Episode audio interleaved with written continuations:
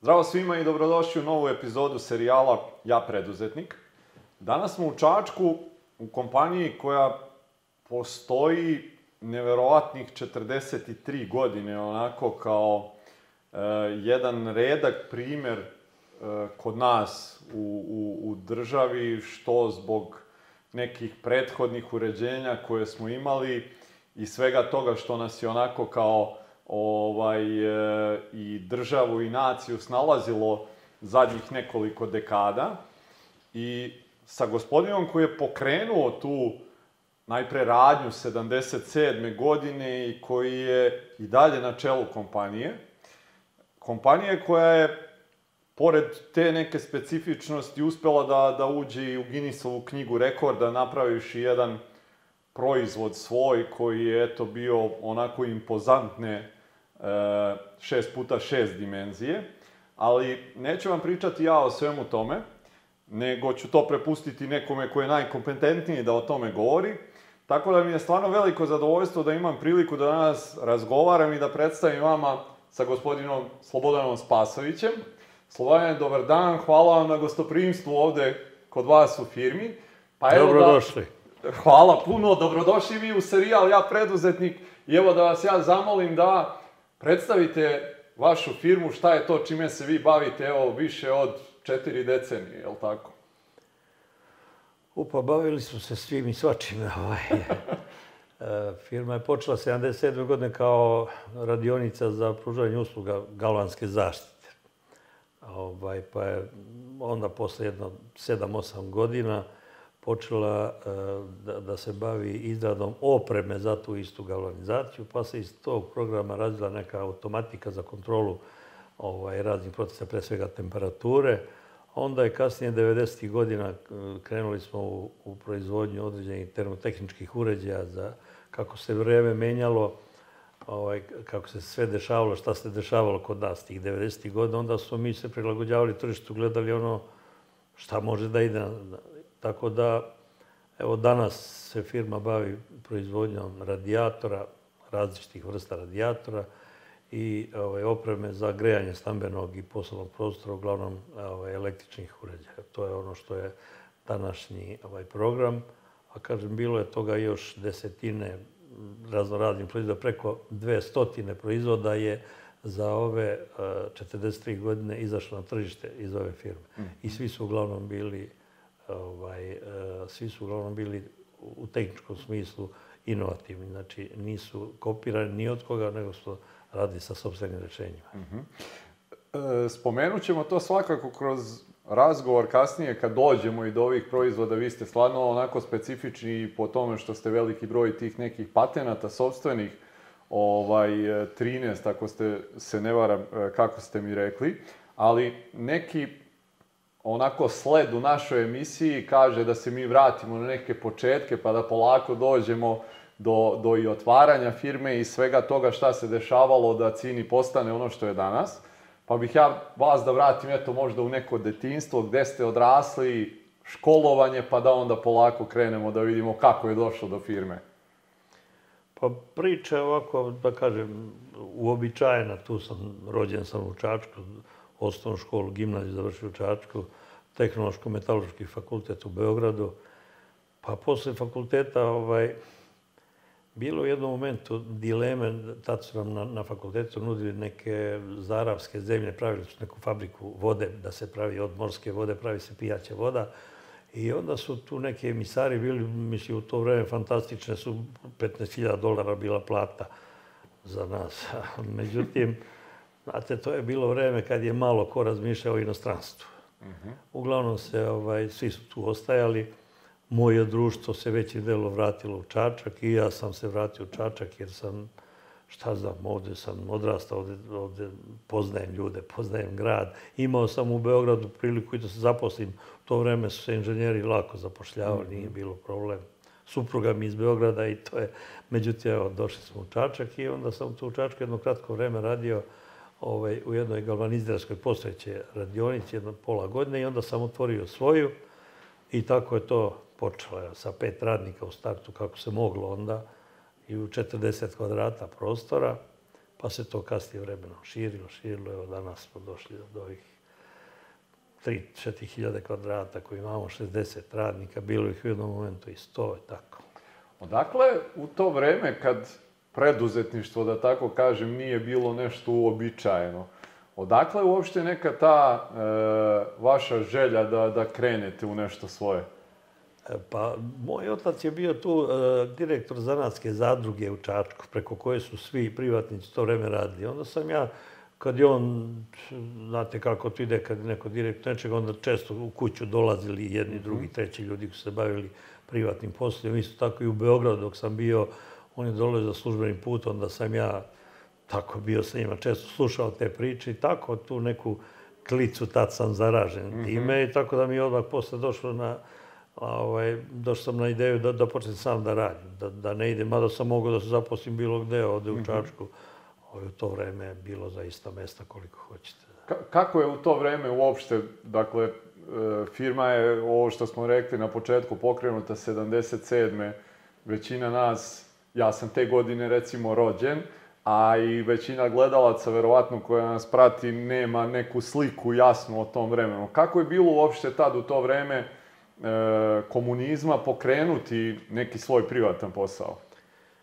Bilo je ne, neobično, mislim, priča je bila, moja pokojna majka kada vidi jadna Anđa školovala sina, on otišu privatno. Da vam je to dovoljna ilustracija šta se mislilo o privatnom poslu. Tada su uglavnom u privatnom poslu bili ono fotograf, možda neki pekar i tako nešto. Malo je bilo ovaj, tih zanatskih radionica koje bi se bavile industrijom ili industrijskom kooperacijom, kao što sam ja tada počeo. Ovaj, tako, nekako, nije se baš gledalo pozitivno. To je bila privatnik, bila je negativna konotacija kad se tako mhm. nešto kaže. To je bila negativna konotacija. Većina ljudi je to bila u državnim firmama. Mhm. Imali su svoje sigurno. Imali su dobre plate. U to vreme su bile dobre plate i u, i u državnom sektoru. Relativno se dobro živelo iz dana u dan sve bolje, jer od tih 70. godina. Tako da je bilo neobično ovaj, i mom društvu i svima što sam ja ovo počeo, ali šta znam, to je nešto što kaže čovjek nosi u sebi, hoćeš da budeš svoj, mm -hmm. pa da ne slušam druge, nego da radim ja kako ja mislim da treba da radim. Mm -hmm. I kad ste krenuli, šta je bila neka osnovna delatnost u tom trenutku i jeste li e, odmah ono imali neke radnike ili ste to započeli sami pa je došlo do toga da, da se neki ljudi dodatni zaposle? Ma ne, imao sam odmah u startu pet radnika, toliko je bilo dozvoljeno. Uh -huh. Ove, radili smo uslugu galvanske zaštite, cinkovanje, niklovanje, tako uh -huh. dalje. Po tome je firma i dobila ime, ali skraćnica uh -huh. cink, nikot, aha, cini. Aha, dobro. Ove, sad tim smo počeli, kasnije, kažem, proširili smo delatnost na opremu, pa na automatiku i širio se, širio program. Uh -huh. Do preko 200 proizvoda, znači E, htio bih samo da, kad kažete pet radnika je bilo dozvoljeno, pošto većina ljudi koji nas slušaju možda neće uopšte razumeti šta to znači, i spomenuli ste na početku tih 40 kvadrata. Dakle, to je bilo ograničenje države, jel tako, koliko jedan čovek, da kažemo, privatnik može da, da zaposli, ako dobro razumem. Pa dobro, to je bila tada vladajuća ideologija, znači društveni sektor, društveno vlasništvo, ako neko me dozvoliš da ima 100 radnika ili 500 radnika, on postaje kapitalista, jer mm -hmm. postaje neprijatelj državni. A sa pet radnika smatralo se da ne može da ugrozi to. Eto, tako je to prosto bilo. Ovaj, mada ne mogu krivo da kažem, i ovde u Čačanskoj opštini nije bilo nekog maltretiranja. Mm -hmm. Pogotovo ljudi što, što su mi radili sa, sa državnim firmama, sa preduzećima. Nije bilo nekog maltretiranja. Bili su porezi nešto veće, ali kažem, nije to bilo toliko strašno koliko se ovaj, priča. Mm -hmm, mm -hmm. E, pretpostavljam da, da u tom trenutku i nema baš nešto puno a, ljudi i verovatno nema ih uopšte koje biste mi, vi možda mogli da pitate nešto oko vođenja firme ili tako tih nekih stvari, nego pretpostavljam da ste morali da učite i oko odnosa sa zaposlenima i svih tih nekih stvari pretpostavljam na nekim ličnim iskustvima. Pa logično, mislim, to je, mi smo prva generacija, prvi koji imaju neke svoje radnike, mm -hmm. prvi koji imaju pet porodica koje zavise od tebe. Ti im mm -hmm. isplaćuješ redovnu platu, oni žive od toga, za mhm. razliku od ovih drugih koji su bili u državnim firmama. Znači, jeste bilo malo neobično, ali Pa krenulo se od nule, šta ja znam. Nisam u to vreme ni smatrao da je to nešto posebno teško. Prosto bio sam mlad, nisam imao nikakva druga iskustva. ovaj, što rekao moj ovde pomoćnik, nisi išao preko Albanije, nisi radio u društvenom sektoru, ti ne znaš šta je muka. Ovaj, tako da, šta znam, nekako uklopali. Pa, dobro je išlo, dobro firmi, redovno isplaćivane plate, pa onda nije ni bilo nekih problema mm -hmm. sa radnicima. I, dakle, vi ste sve negde do, do 90-ih, jel tako, kad, kad e, dobijate mogućnost da o, zvanično, da to tako kažemo, osnujete i firmu, poslovali na taj neki način. Pretpostavljam da 90-ih onda imate mogućnost da i registrujete firmu, da nemate više ta neka ograničenja, jel e, odmah imate mogućnost da zapošljavate više ljudi, da možda neke nove proizvode uvodite u, u, u ponudu Pa dobro, snalazili smo se mi. imate rođaka, imate ženu ovog onoga, pa svako po jednu zanatsku radnju, Aha, pa po dobro. pet radnika. dobro. Tako, tako se radilo prosto. Mm -hmm. Kome, ko je imao posla za više radnika. Od 90. posle kada je izašao novi zakon da se mogli da se formiraju privatna preduzeća, onda sam formirao preduzeće i onda evo, do danas to tako funkcioniše mm -hmm. kao preduzeće. Hteo bih baš da se zadržim e, malo i na tim 90-im, pošto većina ovaj, e, gledalaca verovatno je možda i rođena tih godina ili ih ne pamti uopšte. Vi u tom trenutku na neki način dobijate taj neki novi zakon da možete po nekim malo drugačijim uslovima da, da poslujete. Međutim, onda dolaze i sankcije, dolaze e, inflacija, bombardovanje, kako ste uopšte uspeli da opstanete u toku svih tih, ono, 90-ih? Pošteno da vam kažem, ne znam ni ja. Ovaj, to je toliko bilo počeo od 90. 91. ajde, krenulo je malo, već krenula inflacija, onda prvo ta inflacija gde je ogroman broj firmi propao. Mm -hmm. Zaista ko vam neko uplati pare u dva sata popodne, taj vam je najveći neprijatelj do ujutru već 30-40% otišlo toga. Ovaj, pa onda posle počeše ona dešavanja na, na teritoriji bivše Jugoslavije sa, sa, ovaj, sa ratnom, ratnim okruženjem, pa embargo, gde ne možete ni da izvezete ni da uvezete, pa ovaj, sve to kako se završilo, pa 99. se završilo sa bombardovanjem. Znači, te 90. godine zaista je bilo preživeti bilo je veliko umeće, snalaženje. Ja sam tada formirao i firmu jednu u Bugarskoj, jednu u Poljskoj, da nam služe za plasman roba. Pa smo onda išli kao i svi preko Makedonije, nešto švedstvovali preko granice sa Bugarima, potplaćivali carinike bugarske da nam propuste robu, tako se to radilo, drugačije nije moglo. Mm -hmm. A jeste vi u tim e, 90-im već počeli da izvozite da, vaše proizvode? Kako da. ste uopšte tad recimo dolazili do nekih inostranih klijenata?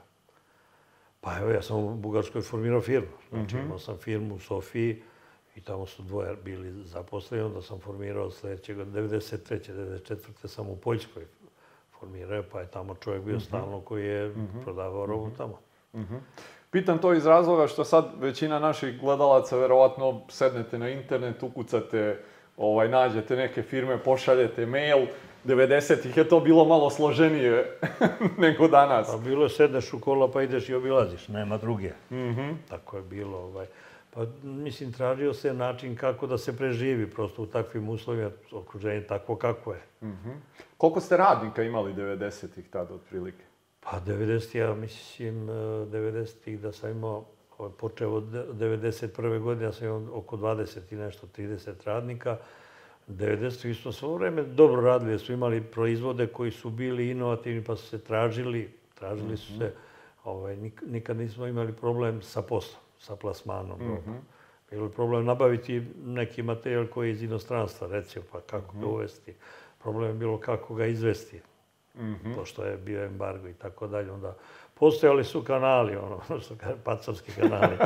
Bili su kanali, neki, ove, negdje nam je država pomagala, negdje smo se sami snalazili.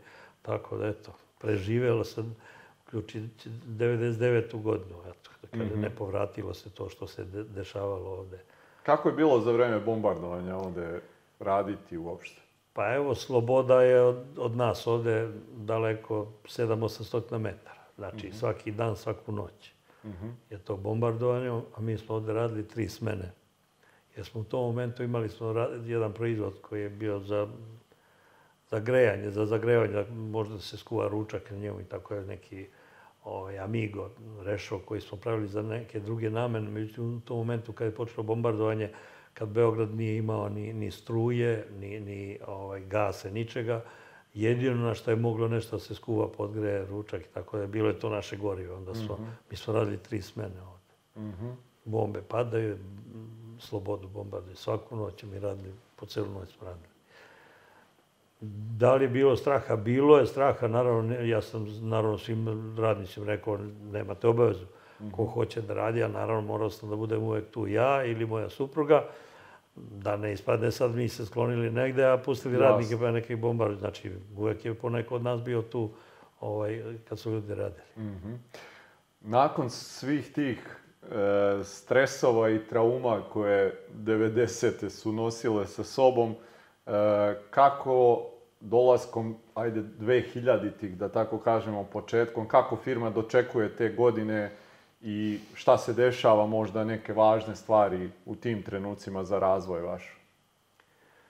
Pa nama su te, mi smo sad dosta optimizma kao i svi dočekali te neke 2000. godine kao prestao embargo, ajde sad evo demokratija stiže tamo, međutim tad je počelo još gore vreme jer je mislim nekritički su otvorene granice za uvoz svih vrsta roba, ovaj, tako da nas je prosto preplavila i kineska i nemačka i sve moguće robe, tako, to, to je sad bio jedan novi ambijent u kome se trebalo snaći.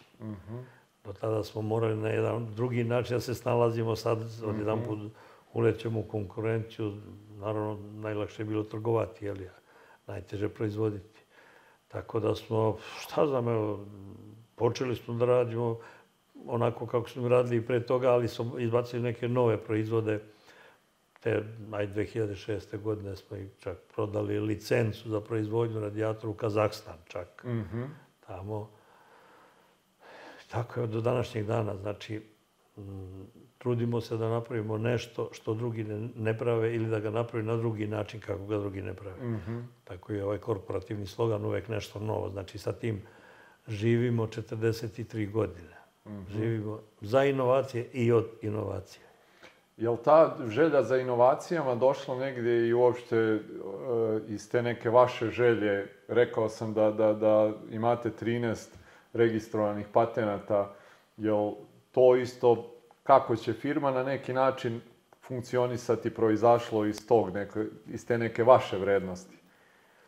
Pa jeste, znate kako je, ovaj, ljudi pronalazači u koje ja sebe ubrajem s, tim što sam ja imao sad e, situaciju da budem i menadžer i pronalazač. Pa i jednu i drugu tu funkciju, to su dve različite ovaj, funkcije. Pronalazač je radoznao kao jedno veliko dete. Ima nešto, dođe mu nešto u glavu, onda ne može da spava, dok to ne, ne pokuša da realizuje. Sad evo, ja sam imao sreću da imam i firmu, pa nisam ni od koga zavisio. Ovaj, nego sam ono što mi je došlo u glavu sa saradnicima, odmah smo pokušavali da, da pretvorimo i u najvećem broju slučajeva jesmo uspevali ovaj, da to pretočimo u proizvod koji će da se primi na tržištu. Ovaj, interesantno je bilo, na primjer, za vreme bombardovanja, kad počelo bombardovanje, e, znajući šta se dešavalo, na primjer, u Bosni prethodnih godina, da su ljudi, kad je došla zima, imali problem, smrzavaju su kuće, ložili su knjige, ložili nameštaj, parkete i tako dalje. Znači, bio problem ovaj, čime se grejati. I mm, padne na pamet da naprave mali šporet koji smo nazvali Spasoje. Mali, od pola metra šporet, jer e, ljudi po velikim zgradama nema niko mesta za, za smederevac, nema, Da. nema, neko nema ni ođak, nema, jednostavno nije predviđeno. Tako smo napravili taj mali šporet i sad kako da ga napravimo? Mi nismo pre toga nikad radili takve proizvode. Treba ti neko iskustvo i tako da ja, hiljade doktorata u svetu je naprav- napravljeno na, na temu sagorevanja, kako da bude efikasniji i tako dalje. I mi ovde pitamo jednu ovaj, komšinicu koja je od malena žena u, selu živi, jel? ajde recimo, kako ti znaš da li je šporet dobar ili nije? Prosto onako pitanje iz prakse. On kaže to samo, samo kako potpeče proju. proju, znači Aha. kako će, ali kaže potpeče. Da, to da. znači, znači ne samo da od ozgo, nego da bude kompletno. I, i počnemo mi to da radimo. Sad redno mrdni gore, dole, levo, desno, ona nama svaki dan umesi po tri proje. I mi to, dok nismo došli na to da proja bude lepo ispečen, e, stani sad tu, sad pravi dokumentaciju, crtaj ovo što smo ovde empirijski došli do toga. I mi smo odmah, ovaj, prve godine smo prodali 8.500 šporeta. Prve godine, još, ovaj, to je bilo 2000. godina. Sjajna je ta, ta priča, eto kako ste na neki način i taj vaš pronalazački, ali kako ste našli da ga testirate na ne, Pa- jedan narodski način, jel da? Pa da smo se opredelili kako bi to normalno išlo u nekom normalnom životu. Ajde, napravite neko rešenje, angažujete stručnjake za to, pa onda nosite u institut da vam to ispituju, pa to sve traje. Pa nemamo mi vremena da to traje. Mi smo to morali, mi smo za tri mjeseca ovde napravili alate, kupili opremu koja nam je potrebna, alate napravili za to zavarivanje i počeli proizvodnju, sve u tri mjeseca. Zanima me, spomenuli ste sad taj, e, e, te dve ličnosti, pronalazača i menadžera. E, spomenuli smo već da, da u tim trenucima sigurno nema ni govora o, o nekim mogućnostima da nekoga i pitate i da steknete neka menadžerska znanja. Kako ste ih vi razvijali u tom periodu kod sebe?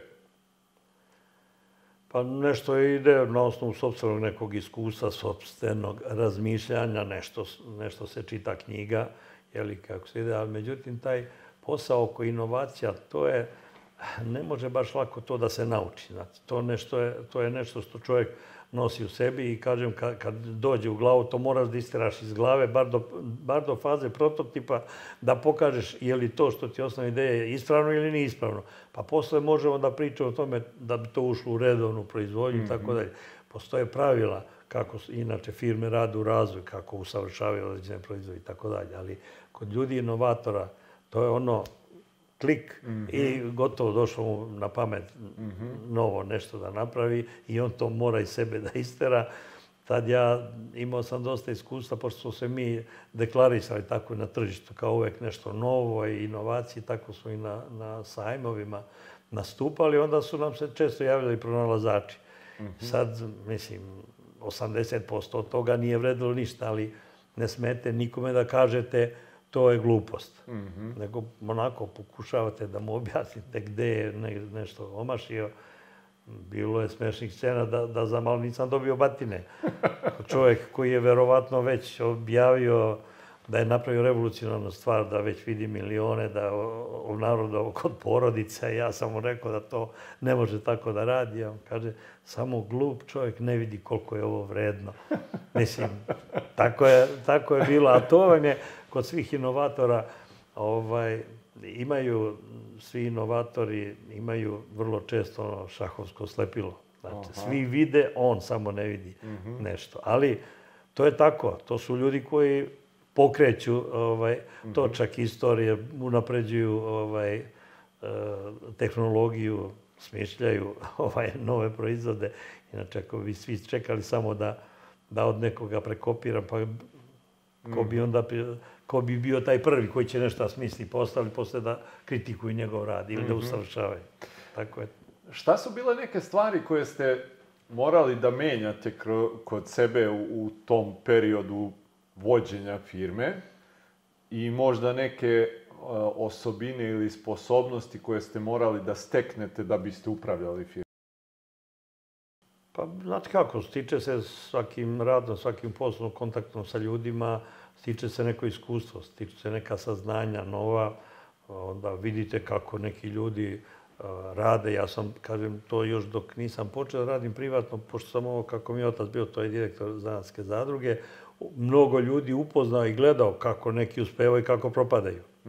Vidi se ono, ovaj, oni koji su, da kažem, na najprostiji način dođu do nekog posla, odmah to ide beli Mercedes, odmah ide kockanje, odmah e, društvo, kafane i tako dalje i vrlo brzo su propadali.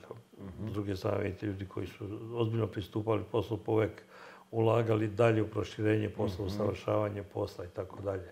Ovaj, mislim, trudio sam se, imalo je tih ranije manje, sada toga ima mnogo, jeli, nekih konsultanata, nekih savjetovanja, koliko ih je bilo. Ja sam išao i volio da čitam te knjige, ovaj, biznis literaturu. U to vreme isto nije bilo baš mnogo, ali imalo. je. Pa onda na televiziji emisije, tako nešto, učite nešto na svojoj koži, probate, pa gdje se opečete, vidite, to tako nije dobro, nego treba drugačije, tako se sticalo iskustvo.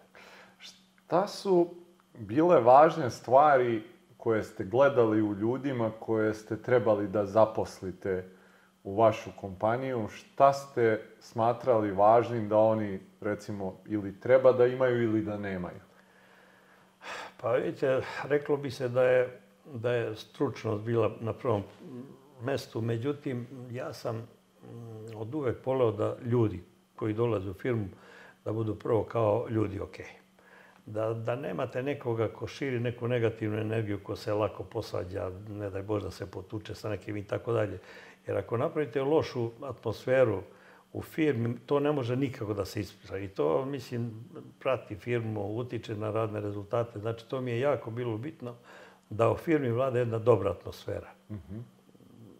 Čak onako nekad može ispasti i neozbilja, sa dosta humora, sa dosta druženja nekoga, ajde, napravimo napravimo neki novi proizvod, onda naravno moramo potpalimo roštilj da to proslavimo, jeli. I tako, šalili smo na tu temu, ali smo se često družili. Mislim da je jako bitna ta atmosfera. E, naravno, morate da imate stručne ljude. Ne možete, ne može ko nije tehnički obrazovan i tako da, da, da vam radi za mašinom, ne može da osmisli novi proizvod, ne može da se uklopi u standarde i već šta je sve potrebno za proizvodnju. Šta smatrate da je možda bile neke ključne stvari u razvoju vaše firme, možda neke ključne tačke ili proizvodi, onako da li biste možda mogli da izdvojite ovaj, tako možda jedan ili dva takva momenta?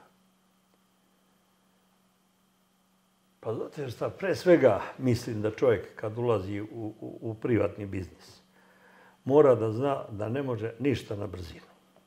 Znači, ne može preko noći. Možda se obogatiš tako što će nekog da opljačkaš. Možda mm, diluješ drogu, da kradeš na taj način. Možeš, sad zna se kako ti ljudi završavaju.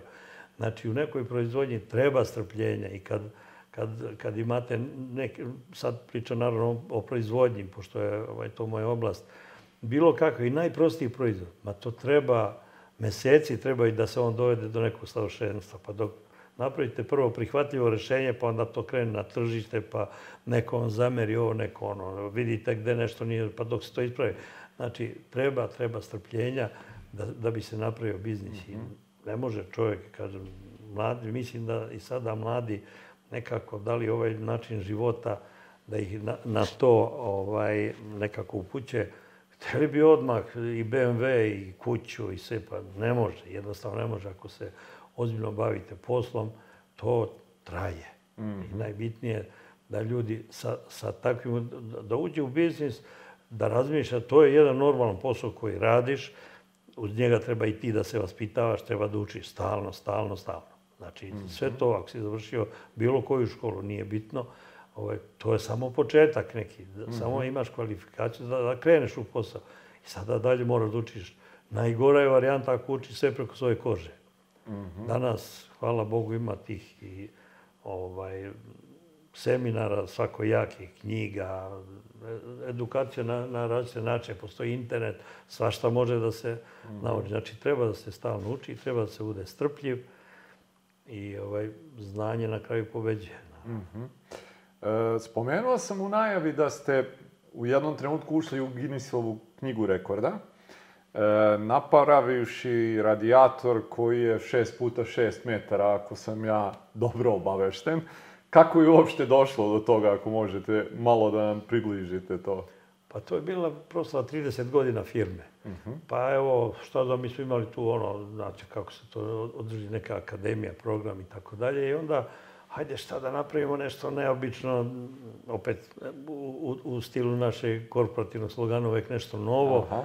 A e, hteli smo na taj način da pokažemo i mogućnosti naše tehnologije izrade radijatora i napravili smo taj 6 puta 6 metara i uključili ga, znači ne bismo dobili taj sertifikat Guinnessov da, da nije on radio, znači uključen je, grejao je na svih 6 puta Aha. 6 metara, grejao je, on je izložen bio na trgu ovaj, u centru grada ispred Doma kulture i priključen je električni kotel od 70 kW na njega, eto da, da, tako da ovaj, to je bilo interesantno, eto to nas već od, od te godine već 13 godina nas prati, to do, dobro ga koristimo kao marketinški podatak. Ovaj, a posle kad su nas pitali gde vam je taj, sa šta ste radili njim, pa isekli ga, šta ćemo da uradimo.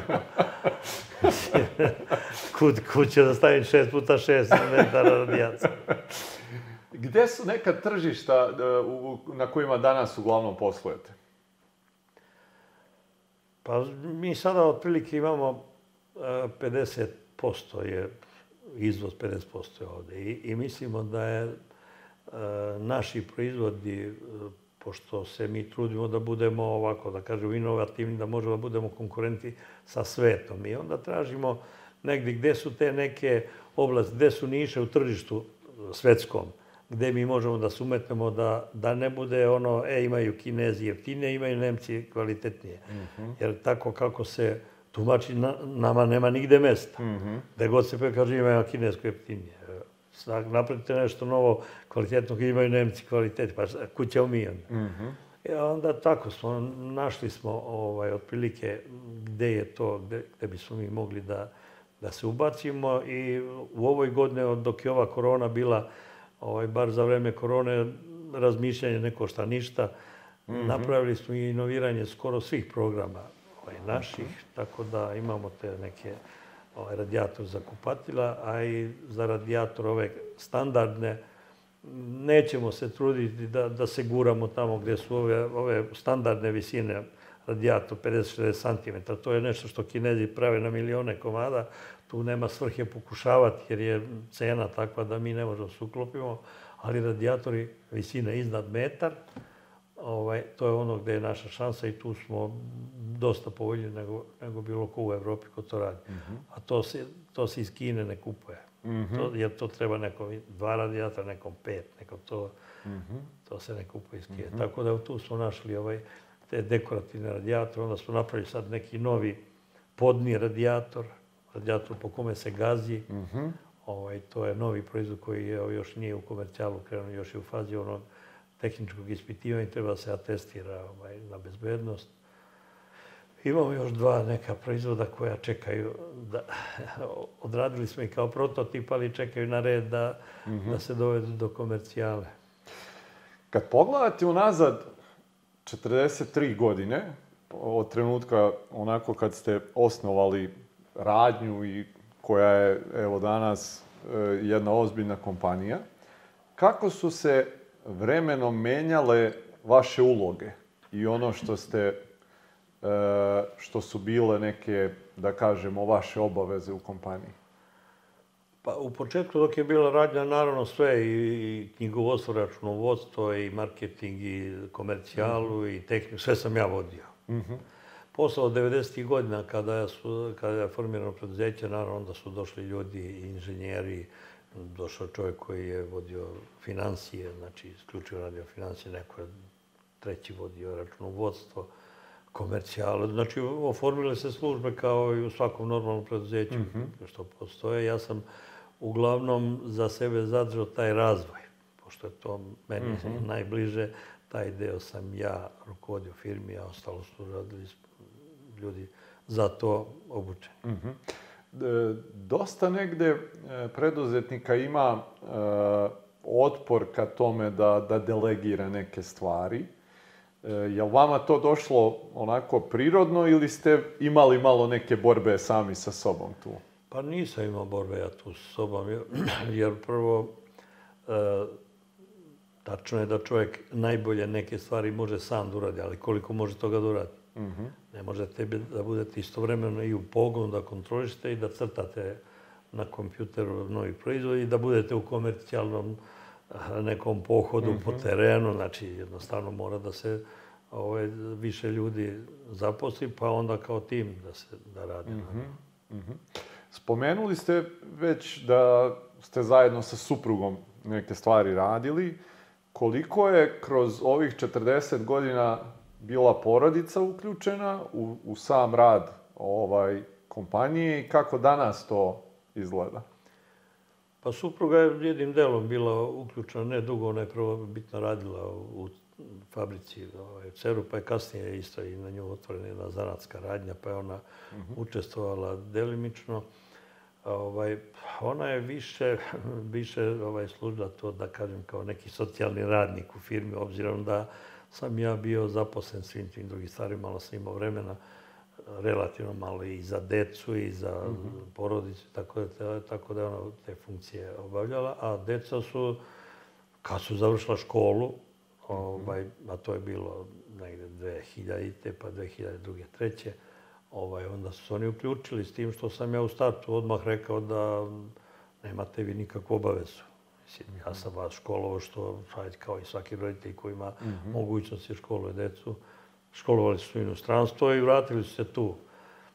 Dobrovoljno su odabrali da, da rade u firmi, da žive u firmi, a to, mm -hmm. to već koliko ima 20 godina, ovaj, mm -hmm. oni su tu u firmi. Kako su izgledali ti njihovi počeci ovaj, rada u firmi? Koji su im bili neki možda zadaci? Kako to izgleda danas? Pa, znate kako, ovde u firmi mi smo imali imali smo neko ko je finanski direktor, imamo neko je šef računovodstva, imamo neko je šef komercijale. Ja sam bio ovaj, direktor, znači, mislim da tu dosta ljudi greši ovaj, kad ubaci decu svoju, ubaci ga kao pripravnika koji još ne zna ništa i odi dan po direktor. Mm -hmm. Mislim što apsolutno nije logično, nije dobro ni za firmu, a mislim da nije dobro ni za decu. E, da ih gurneš u neke situacije u kojima oni očigledno niti imaju iskustva, ni kompetencija da se snađu. Tako da su oni tako počeli malo po malo, da kažem, od pripravničkih ovaj, poslova da rade, pa referentske poslove, pa dobro, sada već evo tu su, što kaže, već zreli ljudi i spremni su i da, da vode firmu samostalno. Mm -hmm. Koliko vremena provodite i sa njima, ali recimo i sa radnicima, možda nekim vašim e, bliskim, E, trudeći se eto na neki način da im budete i mentor? Pa, šta znam, mi smo uopšte u privatnoj firmi dosta su ti kontakti bliski. Ja sam se bar uvek i trudio sa radnicima da imamo taj neki odnos ne ono, direktor pa kao Brežnjev obrve sastavi pa da ide, da se ljudi tresu od straha. Ne, ja sam volio da to bude jedna relaksirana atmosfera, posebno kada se radi ovaj, o, o inovativnim proizvodima. Gde je inovativni proizvodi i tehnologija i sve nešto novo, pa Znate, uvek je problem kod ljudi bilo šta, kad im novo iznese jedna neka ljudska inercija, uvek je ovaj, zategnuta ručna kočnica. Znate, mm -hmm. ne može, pa što nije to napravio Nemac, već što nije ovaj, što nije onaj. Tako da tu treba, treba taj odnos da bude ovako ne, nekako malo drugačiji nego onaj zvaničan odnos, da, da bi ljudi to prihvatali, mm -hmm. da, mhm. da bi se da bi oni dali pun doprinos svemu tome. Mm -hmm. Tako sam, pa eto sa decom, šta znam, onako, jedna normalna komunikacija, mislim, oni su, ovaj, prvo u firmi sticali iskustvo, to koje je poslovno iskustvo, onda sad i oni idu po terenu i oni gledaju šta se dešava i oni idu na te seminare, na te razrade škole, kurseve i tako dalje. Znači nešto što ne možeš sve da mm -hmm. u firmi ovaj, da naučiš. Nije ni dobro baš sve na svojoj koži da osjetiš, treba nešto malo i pročitati, jeli, iz knjiga. Jasno. E, ima li mogućnosti da se sedne onako u nekom porodičnom krugu, a da nema govora o poslu? Pa ima.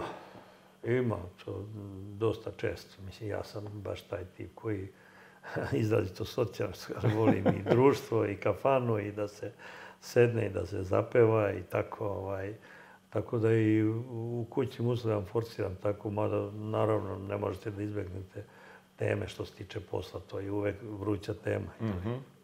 Koliko je teško i recimo kad donosite odluke, obzirom da su emocije nekako e, neraskidive sa porodičnim biznisom.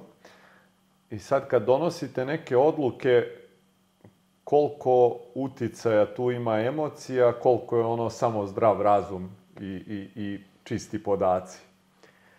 Pa ranije, dok sam ja bio mlađi, uglavnom su emocije prevladjavale, pa upravo taj neki karakter inovatora, grunete u nešto pa do tvrdoglavosti dok ne isteram to, naravno nije nama svaki, svaka ideja nije uspela. Mm Imalo je promašaja i ha. Mislim, to bi bilo lažno je bilo bilo ko da priča da je sve što je smislio, sve je to nije tačno. Znači imalo je i promašaja naravno, ali uh, promašaj nije totalni promašaj ako iz njega nešto naučite. Je mm -hmm. ovaj, tako da, e sada sa godinama kako se ide, onda naravno naučite da, ovaj, da, se, da se ne jede sve što leti, jeli? pa onda se negde ovako malo sačeka sa nekom odlukom, ne brza se, onda to pokušavam i da prenosim deci, sad nije to lako, jer su oni sad ono puni snage, pa bi hteli što pre nešto i tako dalje, onda sve to izbalansirati, kočiti, to može nekada izazve konflikt. Mm -hmm. Neko bi ovako, neko onako. E, dotakli smo se, pre nego što smo počeli onako da snimamo e, zvaničan razgovor, teme koja je onako jako kompleksna, koja se tiče tranzicije sa prve na drugu generaciju, koja nekako očekuje ovde većinu naših preduzetnika e, koji su započeli kompanije baš u tom nekom vremenu 90-ih. Kako ste se vi osvestili o tome i kako ste uopšte polako ušli u neke pripreme i sve to da, da, da taj proces prođe onako kako bi trebalo da prođe? To je izuzetno ozbiljna tema. Ovaj, e, mnogi ljudi verovatno ne razmišljaju, na kraju niko od nas ne, ne razmišlja da, da će, ne znam, da, kad će da umre. Mm -hmm. Što rekao ja moj, ako i kad bude umre. ovaj, e, treba tome vrlo ozbiljno da se pristupi svima bih preporučio ljudima mojih godina, ali i nešto i mlađi, kako se približa penzija, da počnu da razmišljaju šta će da urade sa firmom kad odu u penziju. Da se ne desi ovaj, ono, što rekli u Adiže su ovaj, zaspao Turčin ili šta mu bi ovaj, jednostavno ljudi smo svi ne zna se dokad će ko da živi. Treba toj temi pristupiti ozbiljno i na vreme. Da se počne da se priča sa decom. To je nešto što ne može da se uradi iz dva sastanka.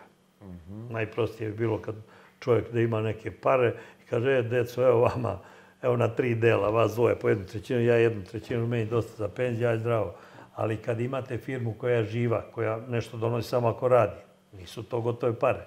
Ona možda nešto vredi ovako, da kažem, knjigovodstveno, ali ako ne radi, ona ne vredi ništa. Mm -hmm. Znači, to sada uh, raspodeliti ko šta treba da radi, jako, jako ozbiljna tema i to je, nije to samo kod nas. Mm -hmm. To je tako i u svetu, da je, da recimo podatak jedan da 90%, skoro 90% firmi ne, ne dočeka treću generaciju. Mm -hmm šta tu sve treba raditi, treba pre svega pričati, treba biti pre svega svestan da je to veliki problem. Ko će šta da radi, ko će da rukovodi, da li ćete da firmu prepustite profesionalcu, a deca da ostanu to da budu službenici, -hmm. da li decu uopšte interesuje da ostaju u firmi da rade to. Imao se jednog prijatelja Nemca koji je uh, završio, uh, on je bio tehnolog, vrstan tehnolog, ovaj, i naterao je i sina da da završi tehnološki fakultet. I sin završio tehnološki fakultet i, i e, evo oče, ja sam završio, evo diplome, ali ja neću da budem tehnolog, da svira violinu. Jer isto vreme i muzičku akademiju završio. Ne interesuje ga, evo kao ocu da učini, ali otišao je tamo, ne možete na silu neko natrati. Znači, dosta tu stvari treba imati u vidu. Ko će da bude sad, ako oboje dece ostaju u firmi? Ko, ko sad treba da rukovodi firmu? Mm -hmm. Kako da rukovodi?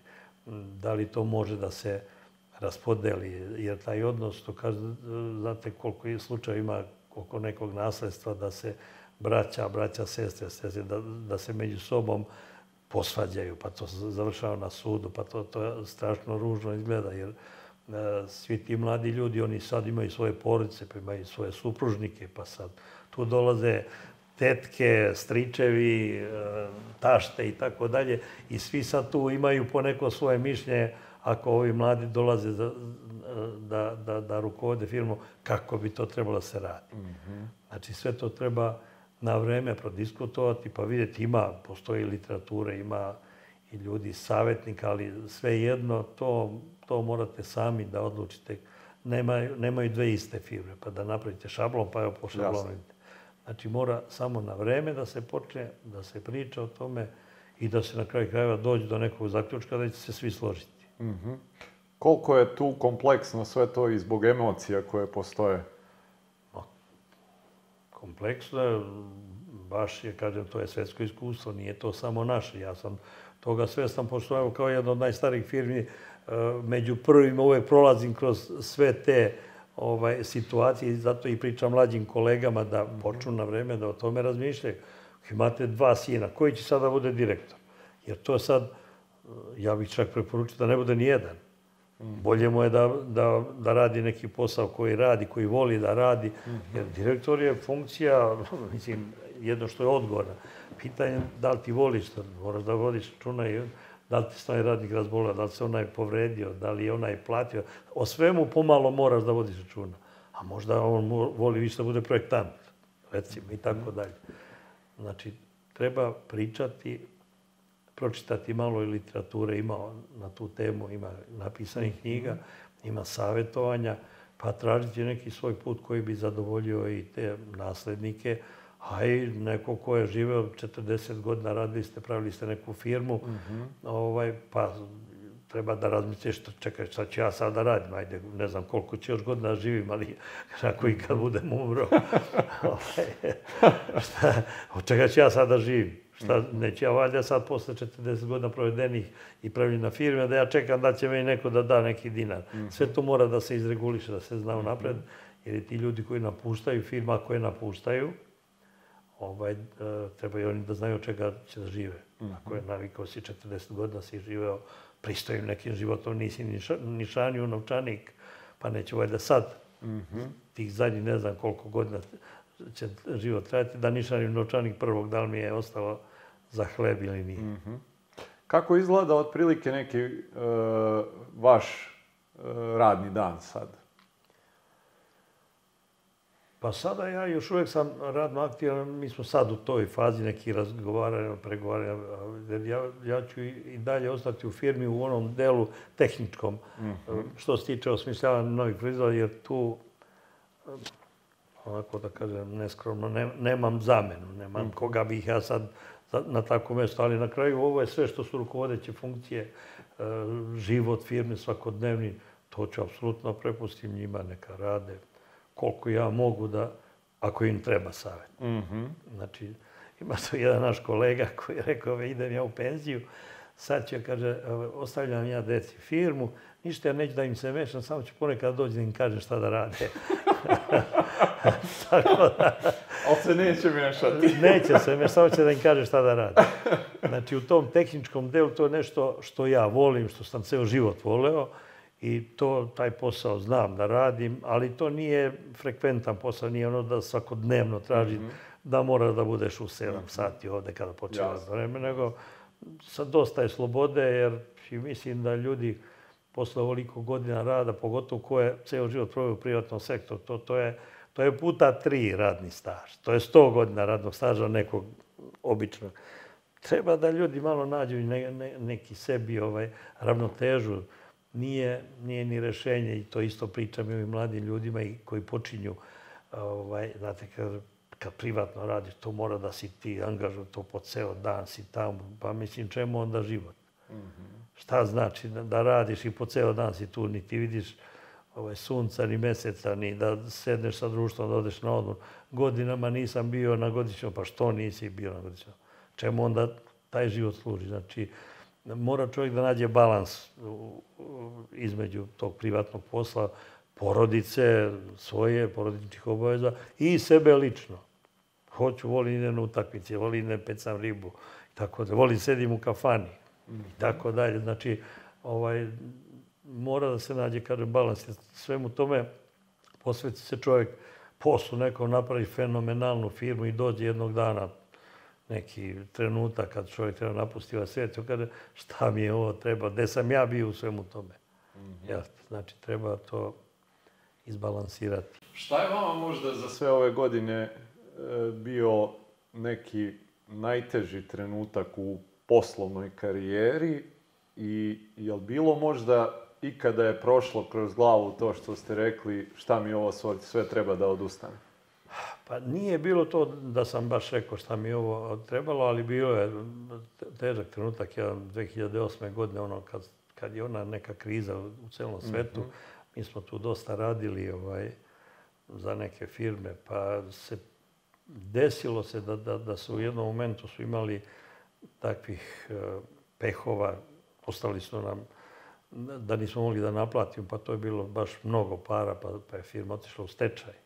Pa smo se iz stečaja jedva iščupali. Bilo je, tad pomislite, da je moguće posle 30 godina propadne firma. Mm -hmm. Mislim, baš je došlo do te da, da banka već hoće da dođe da popisuje stvari u kući, jeste dali zalog tamo i tako dalje.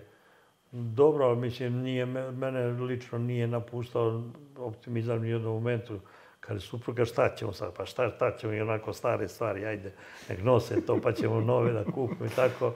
Ovaj, nešto bi se našlo, jel, šta da se radi, ali evo, što kaže, ovaj, bilo, bilo je situacija da nismo po par meseci primali plate. Mm -hmm. Tako je bilo. Ali eto, prebrodi se to sve i hvala Bogu, to opet je to sve kako valja. Koliko je taj, eto, jedna situacija koja neminovno sa sobom nosi ogromnu količinu stresa. E, koliko je taj optimizam uopšte za preduzetnike važan? Ma važan je za čoveka uopšte, ne samo za preduzetnika. A posebno za preduzetnike, ovaj, ako čovjek lično shvata sve probleme koji mu se ovaj, tokom rada, koji mu iskrsavaju, pa to, to imate, samo da se nervirate. Mislim, ako to čovjek tako... Ima niz stvari koje morate prosto da progutate. Mislim, vidim sad ja da uđem sad u pogon, sad mogu da napišem 50 stvari koje ću da nađem da ne valja. Ali ako od ceo dan budete ono džangrizalo, a mislim, na šta će se, ni će voliti ljudi da vas vide, sam će sebi da dosadi. Znači, ovaj, mislim da je bitno za čoveka uopšte, u, u bilo čime da se bavi, da, da ima jedan životni optimizam, ne kažem da, ne daj Bože čovjek da se nešto razboli i tako neki nesreće, ali ovako u normalnom životu, pa nađe se za rešenje za sve. Dosta se ljudi se, sekira za mnoge stvari, a većina tih se same po sebi reše. On se sekira onako napred, avansno. Mm. e, kako ste se kroz eto, tih 40 godina nosili sa tim nekim pritiskom koji dolazi neminovno, rekli ste, eto, 50 i nešto porodica živi od, od e, kompanije. Kako je taj pritisak uticao na vas i šta su možda vama neki onako ventili bili gde ste, eto, onako, da sve to zbacite sa svojih pleća? Pa vidite, kaže, nisam se, nikad ja se nisam ni trudio da zbacim sa svojih pleća. To prosto, to, to je posao koji radiš, šta ćeš. Mm -hmm. Imaš firmu, pa šta bi da sam sad direktor u nekom državnom preduzeću, imaš firmu, pa isto moraš da radiš o 50-60 ljudi da mm -hmm. se obezbedi posao, šta ćemo da radimo danas, šta ćemo sutra, šta za pet godina i tako dalje. Nisam to nikad ni shvatio. Kaže, taj jedan moment je bio te neke dve, tri godine, to je zaista bilo teško, ali pa i u takvoj situaciji, šta će, naće se neko rešenje, šta ćeš da radiš? Pa nešto ću da radim, ne znam. Ne mogu napred sada da kažem, ne možete, mislim, e, dosta ljudi okleva da uđe ili u biznis ili tako kad neku odluku treba donese, pa čeka da mu se sva svetla popale zelena, pa da bi krenuo da uhvati zeleni talas. Pa ne možete, idete, idete, pa negde kad dođete od crvenog svetla, stanete pa vidite malo, razmislite. Ako je zid, gledaj da li možda se provučeš ispod zida ili okolo i tako dalje nađe se uvek rešenje, naravno. Mm -hmm. ovaj. Mislim, ali čovjek ako izda optimizam, ako, što kažu ovaj, deca, ako padne u bedak, Nema, tek, tek onda nije upotrebljiv. Tek mu se onda smanjuju intelektualne sposobnosti, ne može da spava, počne da se razboleva, sve ide iz glave. Čovjek koji je u nekom stalnom stresu, prosto ja kao hemičar znam to, to ima, imate hemijsku reakciju i svaka je hemijska reakcija povratna, možda ide na, od dve komponente da se naprave nove dve, možda od te dve da se vrati nazad, zavisi koliko u to uložite energije, koliko uložite raspoloženja, znanja i tako dalje. Ovaj, znači čovjek ako stalno negde u glavi nosi neke ružne misli, ako, ako misli da nekoga prevari ili vara stalno, ako, ako, ovaj, ako ima neku osvetu u glavi, sve to se prelama kroz njegovu glavu i to pravi negativnu hemiju, to negde mora da izbije. Nekom na srce, nekom na mozak, negde, negde to mora da se pokaže prevremeno, naravno. O tome pričamo. A to je u poslu, ljudi posebno kaže kad imaju firmu, onda su izloženi svim mogućim ovaj, stresovima, uticajima. Ako nema taj neki svoj mehanizam da se odbrani, pa neće dugo trajati. Znate koliko ljudi već su u infarktu 40-50 godina, mladi ljudi. Pa, Je li bilo kroz te neke možda teške trenutke da se pojavi taj neki strah ili sumnja? Nije. Ja se nisam plašio toga, mislim, nisam se plašio. Najgore je, znate, ako se čovjek plaši za neku elementarnu egzistenciju. Da li mogu da preživim? Pa sad, dobro, firma ako propadne, propadne firma, pa šta, negdje ću valjda, ima nekog znanja i poznanstva, zaposlit ću se negdje, pa eto, se od nečega. E, to je najgori strah, da, da čovjek e, e, kaže, evo ja sad više nemam šta da jedem, nemam deci šta da dam, da jedem. to je taj elementarni strah je najgori. Nisam, nisam bio nikad u takvoj situaciji da... A bilo je situacija da je bilo na ivici da firma propadne. A jel e, to nekako vama bilo karakterno i prirodno ili ste razvili nekako vremenom kod sebe? Pa ja mislim da je više prirodno, da mi tako od, od vajka da tako nisam imao strah ni od čega. I na fakultetu, mislim, tehnološki fakultet valjda spada u jedno od težih fakulteta. Ja sam uvijek tvrdio da je, da je lak fakultet, tako nešto. Ovi kaže šta bre pričaš, šta kakav lak. Ovaj, nikad nisam, jedan sam samo ispit pao, i to zadnji. Tako nešto, nisam baš jurio prosek, ali išlo mi, išlo mi lako i tako. Mislim da, da ljudi plaše sami sebe. Mnogo ljudi inhibiraju sebe. Znam koliko njih je na fakultetu dok smo bili. Jao, kaže što mene udari tramvaj. Pođe na ispit, što ga ne udari tramvaj. Ili tako neke gluposti. Prosto ovaj, pa, takav čovjek sam sebe ukoči da ne može da oslobodi ni ono što zna, kamoli da izvuče više iz sebe. Šta smatrate, nije lako naravno pričati uvek o sebi, ali ako bi morali možda da izdvojite neke vaše ključne osobine pozitivne, šta smatrate da su one koje su vam pomogle da evo 43 godine i vi i kompanija opstanete na tržištu? Pa mislim, vera u sebe i upornost. Ovaj, I strpljenje. Strpljenje je ovaj, jako bitno u, u poslovnom, ovaj, u poslovnim aranžmanima. Ljudi, svi mladi koji ulaze u biznis, moraju da znaju da moraju da rade strpljivo, da ne može, ne, možda se desi, izuzetaka ima naravno da neko napravi neki pronalazak, neki, ali da bi neko napravi neki pronalazak, pa mora godinama pre toga strpljivo da uči, da bi mogao da nešto e, pronađe. Jer nije, nijedan uspeh nije sam od sebe, samo tako palo čovjeku na pamet. Mora pre toga nešto raditi, pa da, znači, strpljenje, upornost i optimizam. Uspeće, pa uspeće. Nemojte da razmišljate, ulazite u posao i mislite od jedan put da treba budete Bill Gates, jeli?